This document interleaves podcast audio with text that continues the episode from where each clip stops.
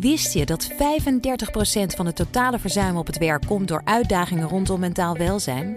Met de psychologen en lifestyle-experts van OpenUp werken jouw werknemers online via één op één sessies, groepsgesprekken of cursussen aan hun weerbaarheid.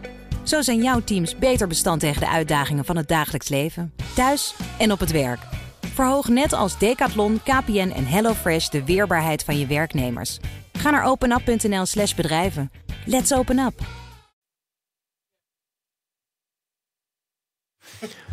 Waarom is het zo lastig om een koopkrachtig pensioen te realiseren? En de OESO is kritisch op Nederland, want we moeten veel meer geld uitgeven. Dat en meer bespreken we in het economenpanel. Vandaag zitten daarin Joost van Leenders, beleggingsstratege bij Kempen. Roelof Salomond, hoogleraar aan de Rijksuniversiteit Groningen en columnist voor de Telegraaf. En Nora Neutenboom, senior econoom ABN AMRO en mijn zakenpartner van vandaag. Fijn dat jullie er allemaal zijn. Um, laten we beginnen met de economie van de eurozone. Kunnen we onder andere kijken naar de inkoopmanagersindex. Ja, het houdt allemaal niet over. En toch zie je op de beurs, Joost, een uh, voorzichtig positieve reactie daarop. Hoe verklaar je dat? Nou, je ziet, je ziet dat indicatoren uitbodemen. Dus het pijl is laag. En dat pijl wijst eigenlijk op bijna geen groei in de eurozone. Maar het was nog slechter. Dus het gaat iets beter. En daar zie je natuurlijk, dat is eigenlijk het hele jaar dat beurzen daar natuurlijk al op drijven. We hebben een enorme ommekeer in het monetair beleid gehad. Uh, dat, dat uitzicht niet in winst en wel in de prijs op de beurs. Uh, dan kwamen we natuurlijk van een heel laag niveau eind vorig jaar. Maar uh, je ziet, de beurs anticipeert op herstel. En als je kijkt naar de winstverwachtingen, dan worden die er steeds wat naar achter bijgesteld, naar achter geschoven. Maar ze zijn er nog wel. Dus dat is het heel duidelijk het verhaal. Dat het, uh, het, gaat, uh, het gaat slecht, maar het zal beter, uh, zal en beter jij worden. denkt dus ook, dit is een bodem. Een eerste stap op weg naar herstel. Nou, ik, ik, denk, ik denk als je kijkt naar de economie, dan denk je wel dat, dat, dat, dat, dat, dat het wat uitbodemt. Um, maar als je kijkt naar markten, dan denk je dat het wel hard gegaan is. Want als je kijkt naar de, de, de winstverwachtingen voor volgend jaar, bijvoorbeeld voor Europa, is ongeveer 10 procent. En als je kijkt naar de groei die verwacht wordt, wat wij verwachten, wat algemeen verwacht wordt, wat er inflatie verwacht wordt, dan denk ik dat dat moeilijk wordt om dat, om dat waar te maken. Want die groei komt uit op bijna niks. Die, die, groei komt uit op bijna niks. Als er een beetje herstel komt, heb je misschien, nou, laten we zeggen dat je 1% groei hebt en een beetje inflatie. Dan, dat is, dan haal je niet 10% winstgroei. Ja.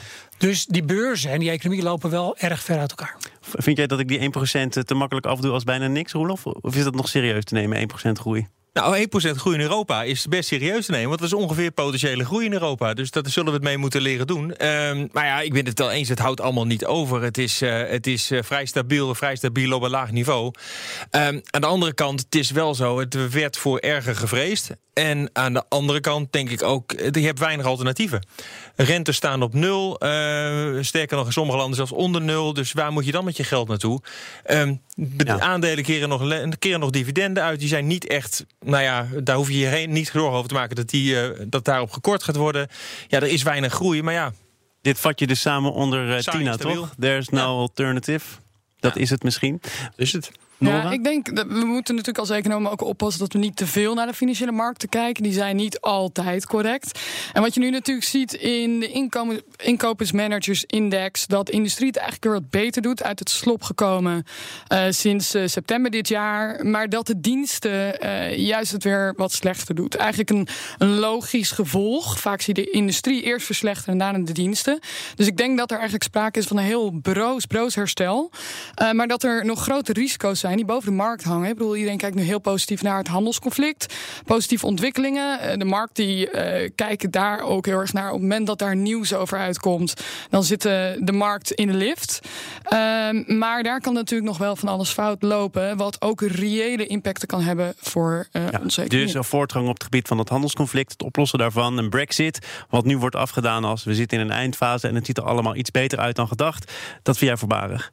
Ja, ik denk dat we, zeg maar, als we echt naar de cijfers kijken, kunnen stellen dat er een broos herstel is. Dat je eigenlijk het uitbodeming ziet van inderdaad die negatieve leading indicators, zoals bijvoorbeeld een PMI. Um, maar dat markten ook nog zeker kijken naar de risico's die er zijn. En ja, wat er al wordt gesuggereerd, uh, de eurozone, het is, een, het is een matige groei. Op het moment dat er iets tegenvalt, je ziet het nu in Nederland specifiek voor de stikstofcrisis, dan in één keer kunnen zomaar de groeivoorspellingen weer fors worden bijgesteld. Ja, dus de risico's zitten aan de onderkant, hoor je dan te zeggen, toch? Precies. Wordt snel minder. Dat, wordt, dat, is wel vaak, een- dat is wel vaak een soort excuus, hè? om niet te negatief te zijn. Dan heb je een voorspelling, zeg je, ja, maar de risico's zitten aan de onderkant. Maar ik ben het helemaal met je eens. Ik zei, wat, wat net gezegd werd, dat, dat die, die financiële, de aandelenmarkt met name, natuurlijk wel afwijkt van wat we economisch zien. Eh, en dat het broze herstel ben ik het helemaal mee eens. Als je kijkt op- houdt er net nog in. Misschien moeten we dat eventjes de kans geven. Want die zat helemaal te bewegen toen jij zei... ja, die markten, dat, is, eh, dat loopt misschien te veel, te veel uit elkaar. Nou, op zich, kijk, op zich ben ik. Als je naar het niveau van de aandelenmarkt kijkt, dan ligt dat. eh, dan zegt de aandelenmarkt eigenlijk iets wat de obligatiemarkt niet, niet zegt. Maar als je binnen de aandelenmarkt kijkt, dan zijn het met name dus de, nou ja, laten we zeggen, de laffe sectoren die het heel goed gedaan hebben. Het zijn niet de sectoren die je koopt als je verwacht dat je economische groei gaat krijgen. Het zijn de nutsbedrijven, het zijn de farmabedrijven. En het zijn de technologiebedrijven die wel economische, die wel groei laten zien. Nou, die heb je in Europa niet zoveel. Ehm, nou ja, dat zijn de sectoren die het normaal gesproken eh, ja, niet echt doen als je nou eh, heel hosanna over economische Ja, groei maar- ja, bent. maar goed, die hebben het natuurlijk wel eerder gedaan. Dus je ziet inderdaad een rotatie binnen die markt, wat dan die markt steeds, steeds nog een beetje op de been houdt, zeg maar. Eh, maar over, die, over dat broze herstel nog. Je ziet dus ook, de, de, de- je ziet het ook een beetje verplaatst naar de dienstensector, naar de arbeidsmarkt. Als je kijkt naar gewoon de, werkgelegen, de werkgelegenheidsgroei in Europa, maar ook in de Verenigde Staten. Die groei is afgenomen. Er is wel groei, maar het gaat minder hard. Dus dat is natuurlijk wel, dat is nou het risico. En dat maar is, het, eh, de werkgelegenheid is toch op een historisch hoog niveau? ja. Ja, Wordt dan wel steeds ja, moeilijker om echt iedereen aan het werk te krijgen. Nou, dat kun je ook zeggen. Misschien komt het door de krapte. Ehm, maar ik denk dat het ook wel te maken heeft dat de groei gewoon wel laag is. Maar, en dan die 1%, dat- daar ben ik helemaal met Roelof eens. Die 1, eh, dat, is, dat trendgroei in Europa. Dus eh, als je daar zit, dan hoeft die werkloosheid ook niet op te lopen. Toch zijn er instanties die zeggen 1%, eh, dat houdt niet over. We moeten die economie proberen aan te jagen. En dan is een van de recepten investeren. Zeker als er landen zijn met een begrotingsoverschot, met geld over. Investeren. Dat wordt onder andere gezegd door de OESO. Eh, Lagarde heeft de afgelopen vrijdag zo ongeveer die woorden herhaald. De woorden van haar voorganger Draghi. Investeren om het investeren. Kees de Kort kon het allemaal niet goed uitleggen waarom dat dan per se nodig was. Roelof, kan jij dat wel? Nou, ik denk dat 1% is geen procent. Dat zou dan het argument moeten zijn dat je daarmee niet iedereen aan het werk krijgt. Dat je daarmee de verschillen in de arbeidsmarkt nog niet, nog niet recht trekt. Aan de andere kant ehm, laat Lagarde zich richten op waar zij is aangesteld. Het is eh, monetair beleid en zorgen dat inflatie eh, dicht en dichter bij de 2 komt. Eh, dat is al een uitdaging genoeg. Ehm, en kijk, op zich zijn het, ben ik het wel mee eens dat landen die kunnen investeren ook zouden best nog iets zouden kunnen doen. Maar goed, als je in Nederland gaat kijken, eh, stel ervoor dat je plannen weet te maken. Dan heb je nog steeds niet de mensen die alle plannen kunnen uitvoeren. Laat staan dat je alle ambtenaren hebt die het zouden kunnen, kunnen eh, maken. Dus ja, het gevaar is alleen dat je als we gaan roepen om te investeren, dat we projecten gaan doen die eigenlijk niet rendabel zijn. Of dat landen projecten gaan doen waarvan je denkt van die zouden net niet hoeven doen. Ik denk daar met name aan Italië en Frankrijk. Ja, precies. Ja. Ik denk, kijk, economen maken natuurlijk een onderscheid tussen investeren in groei en investeren in potentiële groei. Dus overheidsbestedingen en overheidsconsumptie en overheidsinvesteringen. En waar het OESO, maar natuurlijk ook de ECB op doelt, is investeren in potentiële groei. Dus zorg dat op de lange termijn die gemiddelde groei, ik geloof dat de OCD die voor de eurozone op 1,6 heeft gesteld, dat die naar een 2 toe gaat. En kijk, dat is iets waar je als econoom denk ik alleen maar kan zeggen dat is altijd een goed idee als je de goede projecten kan vinden. En voor het investeringsfonds, wat natuurlijk nu eh, in Nederland eh, ja, wordt, wordt dat opgesteld en zo ja, waarin komt dat dan precies terecht? Nou, dat moet niet in die potentiële De mensen groei die denken dat ze daar aanspraak op maken, zijn hier allemaal in de studio geweest. Ik denk dat het bijna op is. Ondertussen. Waarschijnlijk wel. Ja, dat ligt eraan hoeveel eh, miljard er natuurlijk in wordt gestopt. Dat is natuurlijk, wel, dat is natuurlijk het gevaar daarmee. Hè? Dat als je, die, als je die zak met geld hebt, dat het wel productief, eh, productief geïnvesteerd moet worden.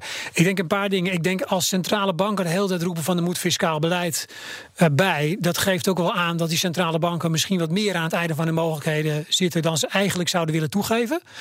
Eh, wat ik fascinerend vind aan de hele discussie is wel dat nou ja, iedereen is enorm Keynesiaans op dit moment. Hè? Want iedereen, iedereen eh, roept erover. Ja, voor de mensen die die economieboekjes echt 20 jaar geleden voor het laatst hebben ingezien. Wat stelt Keynes ook weer voor? Nou ja, Keynes is, is, is eigenlijk van eh, als het, als het economisch slecht gaat, moet, je, moet de overheid erin stappen om de, de terugval van de private vraag op te vangen. Ja. En nou, je kunt je afvragen of het daar slecht genoeg voor gaat. Want je moet echt dan eigenlijk onder die potentiële groei zitten. Juist ook omdat je die ruimte nodig hebt om te investeren. Hè. Dus je hebt de mensen nodig eh, en dergelijke. En ik vind altijd, ehm, eh, als je kijkt naar Japan. In Japan werd altijd gezegd van ja, jullie geven maar uit. En die bouwen, bouwen allemaal bruggen naar nergens. Dus dat moeten we niet doen. En nu moeten we het opeens wel doen. Dus dan, dan moet je het wel beter doen dan ze het in Japan jarenlang geprobeerd hebben. Maar bijvoorbeeld over Duitsland wordt al heel lang gezegd... die kunnen met recht en reden investeren in de infrastructuur... en daarmee ook hun economie concurrerender maken. Ja. Dus die hebben en het geld en misschien de behoefte... Ja. om ook echt iets te gaan doen. Ja, dus dat klopt. En dan, en dan, en dan een, een ander punt is de haalbaarheid. Los van of je de mensen hebt of het politiek haalbaar is. En ehm, ja, daar kunnen we hier heel lang over praten. Ja, nou, Duitsland moet dat doen. De kans dat ze het gaan doen, vraag ik me toch heel erg af. Want Nou, nou, nou zei Kees de Kort hier aan het begin van de uitzending... en jij was erbij. Die zei, ja, geld is niet altijd de oplossing. Als je kijkt waarom groeit die economie niet... dan heeft dat misschien te maken met externe bedreigingen... met gebrek aan vertrouwen. En dan kun je wel zeggen, we gooien daar wat extra geld tegenaan... maar die projecten, voordat ze eenmaal zijn begonnen... zijn we alweer een paar jaar verder. Dat is niet wat er nu acuut aan ontbreekt. Dus kom pas met een oplossing voor een potentieel probleem... als je ook weet waar dat probleem vandaan komt, Roelof. Nou ja, ik kan wel een paar problemen bedenken. Duitsland werd net genoemd als in- investeren in infrastructuur. Als je met een auto over de Duitse snelweg rijdt, dan begrijp je meteen waar het om gaat. Eh, eh, investeren in andere infrastructuur, Nederland in spoorwegen, een, een, een, nou ja, een tweede luchthaven wellicht. Ik ben, kom uit Groningen, dus een Lely, een, een snelle lijn, de Hanselijn mag voor mij ook meteen komen. Investeren in onderwijs is ook investeren in productiviteitsgroei. Maar dat, dat zie je pas over een paar jaar Dat zie je pas over een paar jaar terug. Dus dat zijn dingen die je nu investeert eh, om de potentiële groei omhoog te, te brengen. Ehm, nog even over Keynes. Eh, Keynes heeft ook een keer geroepen dat als het heel goed gaat, dat je dan juist op de rem moet gaan staan. En dat is nou juist het risico wat aan dit soort projecten vastzit. Dat iedereen dus zich helemaal kapot gaat lobbyen voor projecten. En op het moment dat op de rem gestaan moet gaan worden, dan gebeurt het natuurlijk niet. Want dat is pijnlijk en dat willen we niet. Nog even over de ECB. Want Joost, jij zei net, die zijn misschien wat meer aan het einde van hun mogelijkheden dan tot nu toe eh, gedacht. Ze hebben vorige week, meen ik, ook een rapport naar buiten gebracht over de stabiliteit, Financial Stability Report. Waarin ze, volgens mij, als ik het kort samenvat, gewoon waarschuwen voor hun eigen beleid, voor de gevolgen van hun eigen beleid. Ehm, wat betekent dat als het, de ECB dat zelf naar buiten brengt? Ehm, ja, dat ze, dat ze echt wel de nadelen daarvan zien. Aan de andere er niet kant. mee stoppen. Nee, die niet meer stoppen. Want volgens mij de hoofdeconoom van de, van de, van de ECB... die heeft nog gezegd... we kunnen die rente nog wel, eh, nog wel verder verlagen als het nodig is. Dus dat is natuurlijk de spagaat waar die centrale bank in zit. Aan de ene kant willen ze stimuleren... en, en, en, en zeggen ze van ja, fiscaal gebeurt er niks... dus monetair moeten we misschien wel meer doen dan we zouden willen doen. Ik denk die... die die financiële risico's, ja, dat is natuurlijk een soort van waarschuwing. Als ze dat heel acuut zouden zien, dan zouden ze of iets met de rente doen. Er zijn natuurlijk andere maatregelen die een, die een centrale bank kan nemen. Eh, dan zouden ze dat op die manier sturen. Niet zozeer met die rente, maar met hele gerichte maatregelen, denk ik. En de vraag is natuurlijk ook wel hoe effectief is het om die rente nog verder omlaag te brengen. Er zijn eh, nu onderzoeken eh, die uitkomen over Zweden, waar natuurlijk een negatieve rente al een tijdje realiteit is. En die zeggen van ja, weet je, als je op een gegeven moment onder die min 0,5 komt, dan wordt het steeds minder effectief. En ik ben niet de enige die die onderzoeken lezen. De ECB leest die ook. Dus de vraag is van in hoeverre zijn ze nog willing om dat risico te nemen, los van het feit dat dus niet wetenschappelijk bewezen is dat dat ook daadwerkelijk echt daar- effectief gaat zijn. Even de wetenschap die, antwoord. die opmerking oh, dat, dat ze zelf ook maken dat uiteindelijk moet, ze, moet iemand anders eh, het precies. overnemen. Want ze, ECB kan niet de kar dragen. nou, dit kan niet. En uiteindelijk zijn de, na- de negatieve effecten van nog lagere rentes zijn waarschijnlijk groter dan het positieve effect wat je ermee probeert te bereiken. Je krijgt gewoon financiële instabiliteit. Maar Roelof, jij zegt dan uiteindelijk moet iemand anders het overnemen. Eh. Lagarde, Lagarde zegt dat nu, eh, Draghi heeft het al gezegd. En jij zei net ook, ja, daar gaat het helemaal niet over. Nee, daar gaat het helemaal niet over, nee. Maar ze moet het wel blijven zeggen. Eh, nou ja, kijk, het probleem is, eh, ik denk dat er ook in Nederland genoeg economen en ook onder, onder politici wel genoeg mensen zijn die zeggen van, weet je wat, misschien zou Nederland wat meer kunnen doen. Maar ja, als wij het doen, eh, wie, hoe kunnen wij dan tegen Frankrijk en Italië zeggen dat zij het niet moeten doen? Want dat is denk ik uiteindelijk het punt. Dus het gaat over een Europese aanpak, politiek. solidariteit, politiek. Ja, precies. En de Maastricht-criteria die zitten hier natuurlijk ook als een soort van grote olifant in de Kamer. Van ja, die 3% begrotingsregels, dat is gewoon een harde lijn. En op het moment dat die Zuid. Nou, Ja, nou ja, het is steeds, het, het het, slecht het steeds een minder eh, harde als het lijn. sne- slecht genoeg gaat, Eh, gaat hij maar het zou een harde lijn moeten zijn. goed, ik heb ook een harde lijn. Dat wil zeggen dat we nu even naar de reclame gaan en daarna, blijf vooral luisteren, hebben we het over pensioenen. Het economenpanel is te gast en dat wil zeggen dat het woord is aan Joost van Leenders, Roelof Salomons en mijn zakenpartner Nora Neutenboom. En we gaan het hebben over pensioenen, want de prijzen stijgen, maar de meeste pensioenen gaan komend jaar opnieuw niet omhoog. Bijna alle Nederlandse pensioenfondsen zeggen de koopkracht van pensioenen op peil te willen houden. Een koopkrachtig pensioenakkoord. Dat is er ook gesloten. Althans, dat waren de woorden die gebruikt werden door onder andere de minister. Maar sinds de financiële crisis slagen ze daar niet of nauwelijks in. De achterstand loopt dit jaar op tot ongeveer 20 procent. En Roelof, dan moeten we dat gat ook meteen weer een beetje dichten, nuanceren. Want de AOW die stijgt wel mee. Dus mensen zijn niet in één keer 20% van hun koopkracht kwijt, toch? Dat is een hele goede nuance. De andere nuance die ik nog zou doen is dat mensen ook ouder worden. Dus op zich ook langer van hun pensioen uh, genieten. Het is wel iets minder, maar, maar dan genieten er wel langer minder van. krijgen. Ja. ja. En de andere nuance is ook wel dat natuurlijk de overheid. er niks van over, jongens. de overheid de koopkracht van ouderen uh, heeft uh, gestimuleerd de afgelopen tijd. En ook als je kijkt, je kijkt natuurlijk naar pensioenen. Maar bijvoorbeeld ook de lonen, ABP, overheidssalarissen, zijn er ook op achteruit gegaan in die precies diezelfde periode. Ja, toch uit, uit verwachte hoek zou je kunnen zeggen. Maar Corrie van Brenk van 50PLUS, oud-vakbondsleider, zegt het uitblijven van de indexatie, dus het meebewegen met de prijzen, dat is de grootste korting op de pensioenen aller tijden. Joost, klopt dat? Nou, dat weet ik niet precies. Dat, dat denk ik wel. Want volgens mij is er niet zo heel vaak uh, uh, echt expliciet gekort. Dus dat is natuurlijk een sluipende korting die je dan hebt. Ja. Die, die, die, die, die, zich in de, in de loop der jaren natuurlijk wel ophoopt als je het, als je het niet bij kan houden. Dus dat, dat, uh, waarschijnlijk als je dat in de loop der jaren uitrekent, dan zal dat, uh, dan zal dat een behoorlijk percentage zijn. Maar je raakt aan een gevoelig punt, want echt korte, dat doen we dan ook weer niet. Klaas Knot heeft dat in september ook al eens ja. gezegd. Hè. We zitten al tien jaar in een situatie dat de wet ons eigenlijk voorschrijft dat we moeten korten. Ja. En de reflex is dan dat we de wetgeving versoepelen, dus niet hard ingrijpen. Precies uh, wat er nu ook weer gebeurt. Ja, dus dat is, dat, is, ja, dat is natuurlijk de eeuwige vraag: waar leg, je, waar leg je de pijn neer? En leg je de pijn neer bij de mensen die nu een pensioen krijgen en ga je dat korten? En als je dat niet doet, de kans dat het bij toekomstige generaties eh, ligt, die toekomstige generaties een eind weg. Nou, kun je dat zo zeggen dat als je nu niet ingrijpt, dat de rekening dan per definitie nou, bij de Ik denk dat dat helemaal van het systeem hangt en het hangt van je verwachte rendementen af en dergelijke. Daar kun je allemaal aan sleutelen en daar kun je allemaal veronderstellingen over maken. Uh, maar als je dat vasthoudt, en, je hebt niet en je hebt niet genoeg geld te verdelen, dan moet je het of nu doen of in de toekomst doen. En in de toekomst is natuurlijk het, het, het politieke voordeel dat die mensen dat niet direct merken. Nee, en dat het over een aantal jaren is. En misschien niet stemmen en misschien nog niet met hun pensioen bezig zijn. En die pensioengerechtigden nu wel. Zou het niet beter kunnen zeggen. Er komt niet door het veranderen van de regels, komt er niet ineens meer geld in het potje. Dus als je het nu niet anders gaat, uh, als je nu niet wil korten, dan leg je de rekening in de toekomst neer.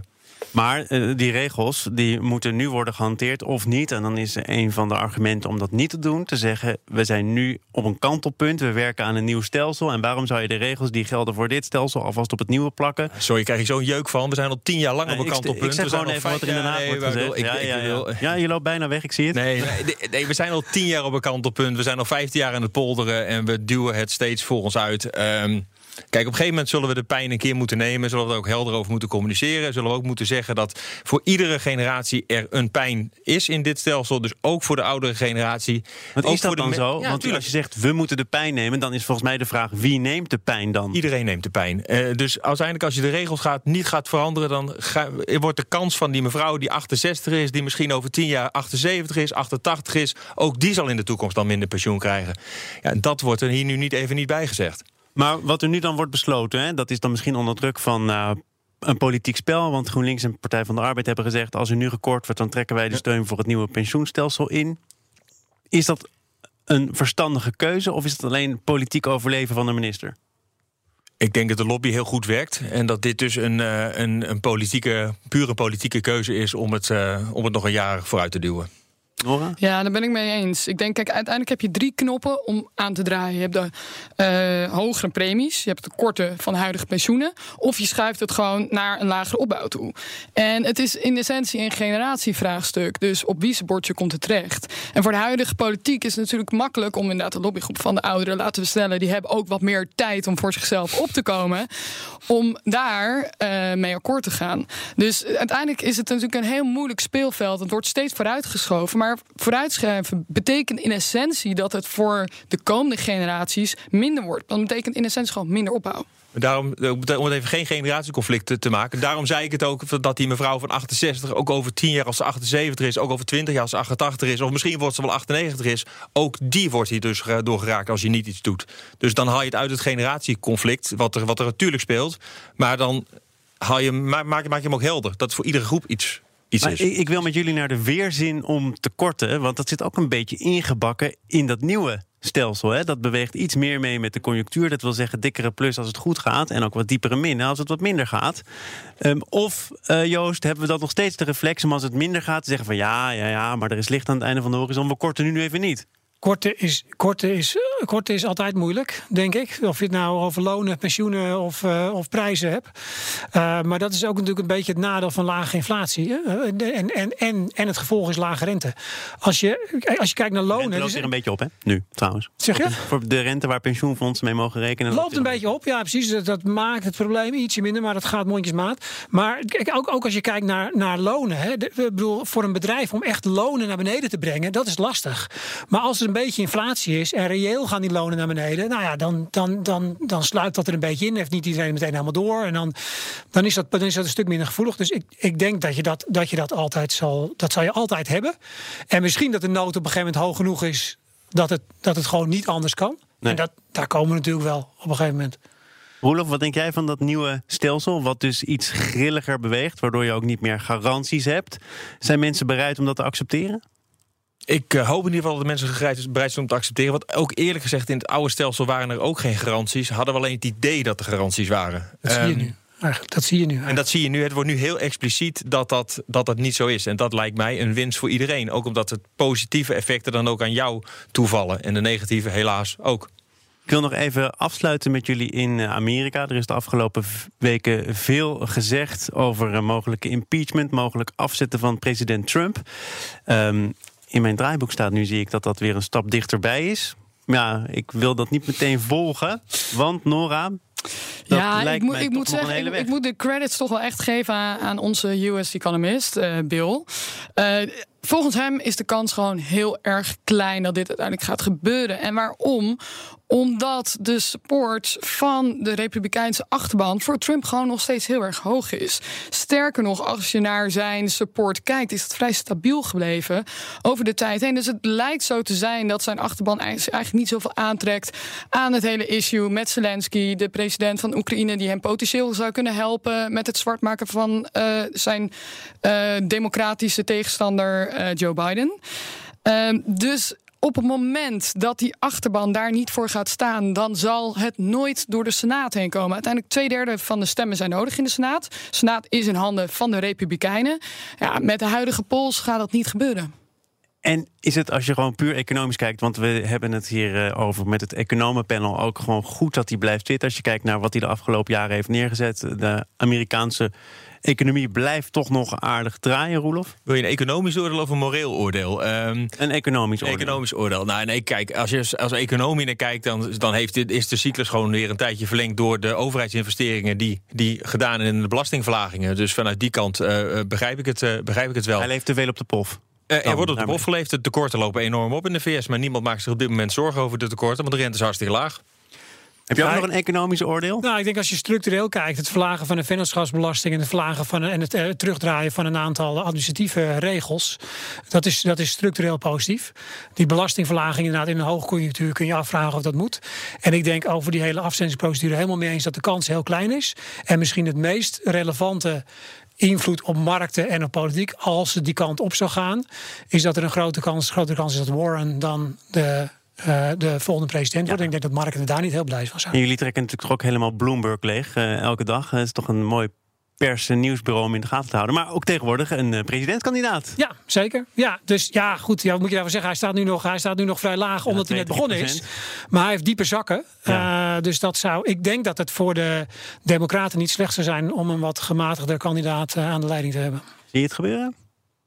Nou, dat hij de kandidaat wordt wel. Of hij het wint, weet ik De eerlijk kandidaat. gezegd Hij wordt dan de democratische kandidaat. Dat, dat zie ik nog wel gebeuren. Of hij het van Trump wint, dat weet ik nog niet. Ja, ik, ik ben ook niet zo zeker van het feit dat, dat Warren het dan wordt. Hoor. Als je nu naar de polls kijkt, dan staan ze eigenlijk alle drie een beetje gelijk. Dus op dit moment is het gewoon echt een nek-aan-nek race. Bloomberg is inderdaad kapitaalkrachtig. Wat dat betreft maakt hem dat ook wat onafhankelijker. Hoe- hoeveel kapitaal Dus- heeft hij ook alweer? Echt 58 miljard of zo, hè? Ja, ik zou er geen, ik zou er geen getal op willen Hij heeft nu plakken. Maar, 33 maar het maakt hem dus hij kan nog even voort dan. Hè? Ja, ik denk ten opzichte van de andere kandidaten, die dan toch vaak geld moet ontvangen van andere partijen, maakt hem dat onafhankelijker. En dat eh, wordt door de Democraten natuurlijk wel gewaardeerd. Het laatste woord was aan mijn zakenpartner van vandaag. Debuterende zakenpartner Nora Neuteman. Fijn dat je er was. Roelof Salomons was er ook hoogleraar aan de Rijksuniversiteit Groningen. En Joost van Leenders, beleggingsstratege bij Kempen. De mensen van Aquacel houden van zacht. En dat merk je aan alles. Dankzij hen hebben we nu echt zacht water en een kalkvrij huis.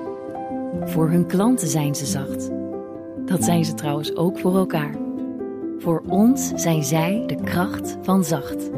Aquacel. 100% zacht water, 100% kalkvrij.